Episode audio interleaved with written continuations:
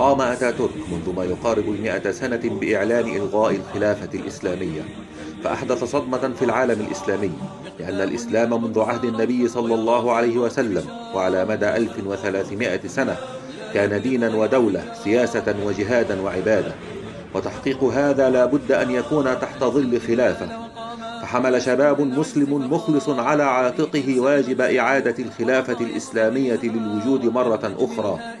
وتسلم شعلة هذا الواجب والشرف جيل وراء جيل إلى يومنا هذا. ما قصة هذه الأجيال وماذا قدموا؟ هذا ما سنعرض له باختصار في حلقات بعنوان الطريق إلى الخلافة تاريخ الحركات الجهادية من الإخوان المسلمين إلى الجهاد الشامي. مقدام يطلب ثارة ويرى في الموت بشارة. السلام عليكم ورحمة الله وبركاته.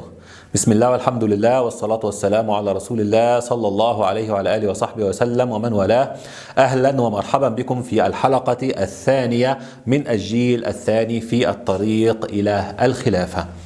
في الحلقة الماضية ذكرنا أن الإخوان خرجوا من السجون وقد قسموا إلى ثلاثة أقسام. القسم الأول قسم من قرر تنكب طريق الجهاد استثقل هذا الطريق بعد المحنتين الشديدتين جدا اللتين مروا بهما. وهذا هو القسم الغالب في جماعة الإخوان المسلمين.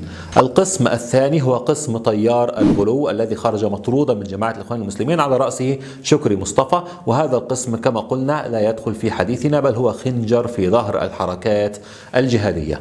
القسم الثالث هو القسم الذي قرر الاستمرار في طريق الجهاد. سمي هذا القسم بالطيار القطبي. طبعا في جزء منه ظل داخل جماعة الإخوان المسلمين وفي جزء ترك جماعة الإخوان المسلمين. التيار القطبي نسبة إلى سيد قطب وإلى كتابه معالم في الطريق تحديدا. كتاب دعاء قضاء الذي ألفه حسن الهضيبي طبعا بمعونة ابنه مأمون الهضيبي الذي سيصير المرشد السادس للإخوان بعد ذلك.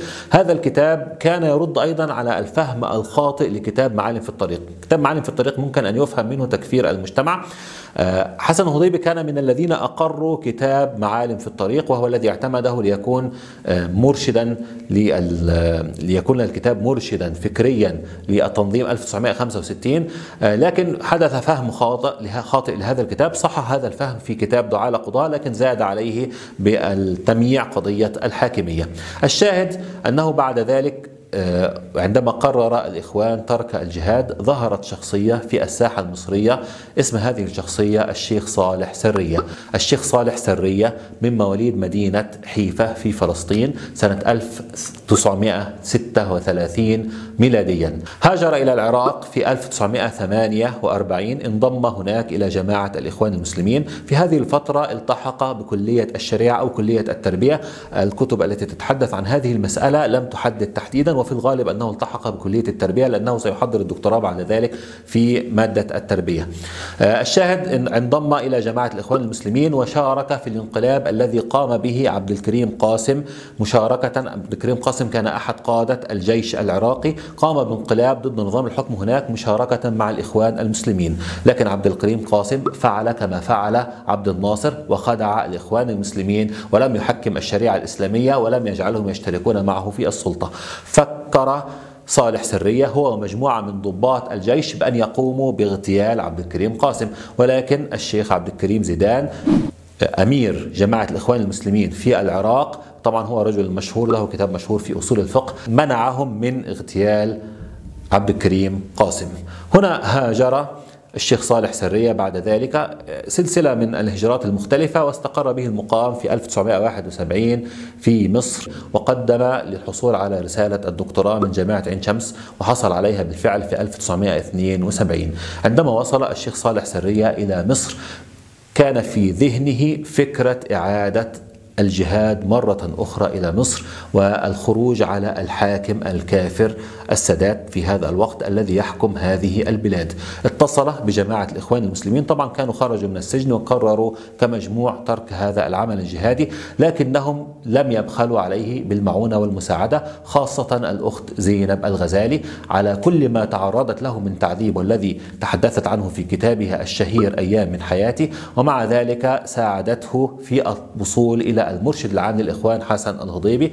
حسن الهضيبي لم يقبل أن يشترك الإخوان مع صالح سرية في فكرته ولكنه بارك فكرته والراجح أنه تعامل معه كما تعامل مع الضباط الأحرار قبل في 1952 قم أنت بهذا العمل فإذا نجح سنؤيدك وسنقف في ظهرك. وإن لم ينجح فجماعة الإخوان المسلمين غير مستعدة لدخول محنة جديدة أخرى. وصلته زينب الغزالي بكثير من مجموعات الإخوان المسلمين التي ما زالت مصرة على الفكر الجهادي. كان من هذه المجموعات طلال الأنصاري في الأسكندرية ويحيى هاشم وغيرهم كثير. الشاهد أنه بدأ في تأسيس تنظيم جديد سماه تنظيم شباب محمد. هذا التنظيم يتبنى الفكر الجهادي فقط وكان هو التنظيم الوحيد الموجود في الساحة. قلنا أن هذا هو وقت التنظيم أو هذا هو جيل التنظيم الجهادي الواحد. كان صالح سرية عنده فكرة يريد أن يصل بعدد التنظيم إلى عدد أهل بدر 317 319 في هذا الوقت سيبدأ الخروج على الحاكم.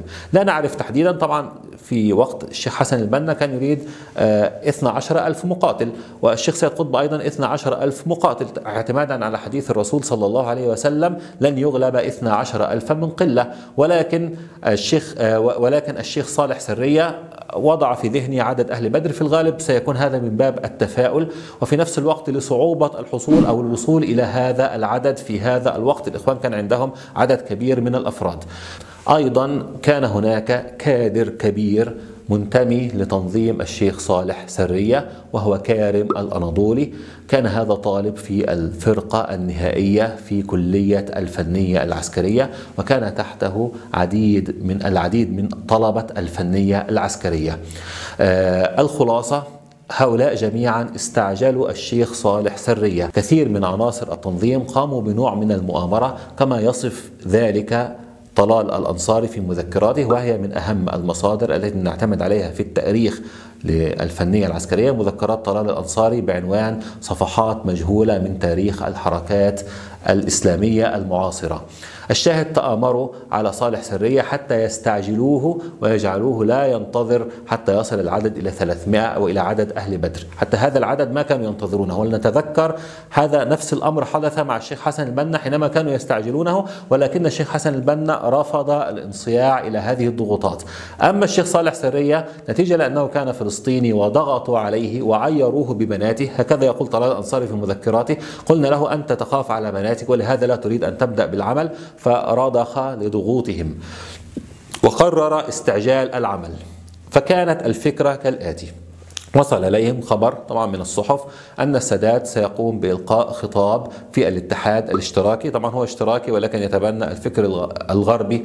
آه، كما قلنا هناك يعني كثير من عدم الأدلجة. هي فقط فكرة براغماتية تثور في ذهن الحاكم فيحكم بها البلاد. الشاهد السادات كان سيلقي خطابا في الاتحاد الاشتراكي في 18 4 1974 فقرر صالح سرية أن يتم القبض على السادات أثناء هذا الاجتماع لأن الاتحاد الاشتراكي كان متواجد قريبا نوعا ما من كلية الفنية العسكرية ووضع خطة بمساعدة آه، قادة تنظيمه للاستيلاء على الحكم في هذا التاريخ. كانت الخطة كالآتي في فجر 18 4 1974 يتم الاستيلاء على كلية الفنية العسكرية بالاستعانة بالطلبة الموجودين داخل الكلية وبعض المدنيين المنتمين للتنظيم من خارج الكلية.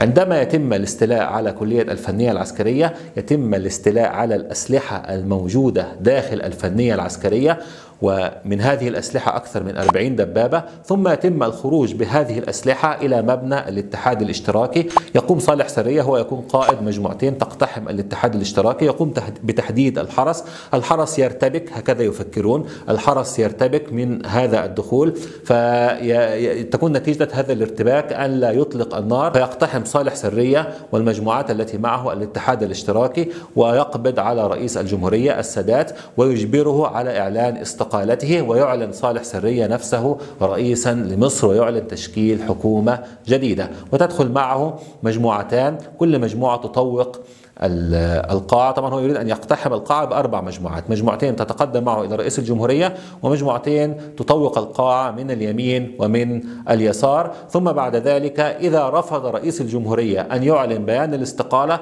يقوم بإحضار وزير الخارجية أو وزير الإعلام ويطلب منه ويجبره على هذا الأمر ويعلن نفسه رئيسا للجمهورية.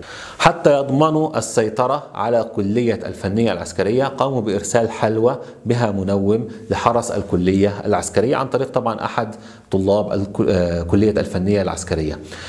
لماذا يضعون منوما ولا يضعون سما؟ آه هذه فكرة لأنها هذا نوع من الأمان فلا يريدون أن يكون يعني يقتلونهم غدرا لا يجوز القتل غدر. فقالوا نوضع له منوما. ولكن هذا المنوم لم يؤثر في حرس كلية الفنية العسكرية وأدى لمأساة كبيرة سنتحدث عنها بإذن الله تعالى في الحلقة القادمة.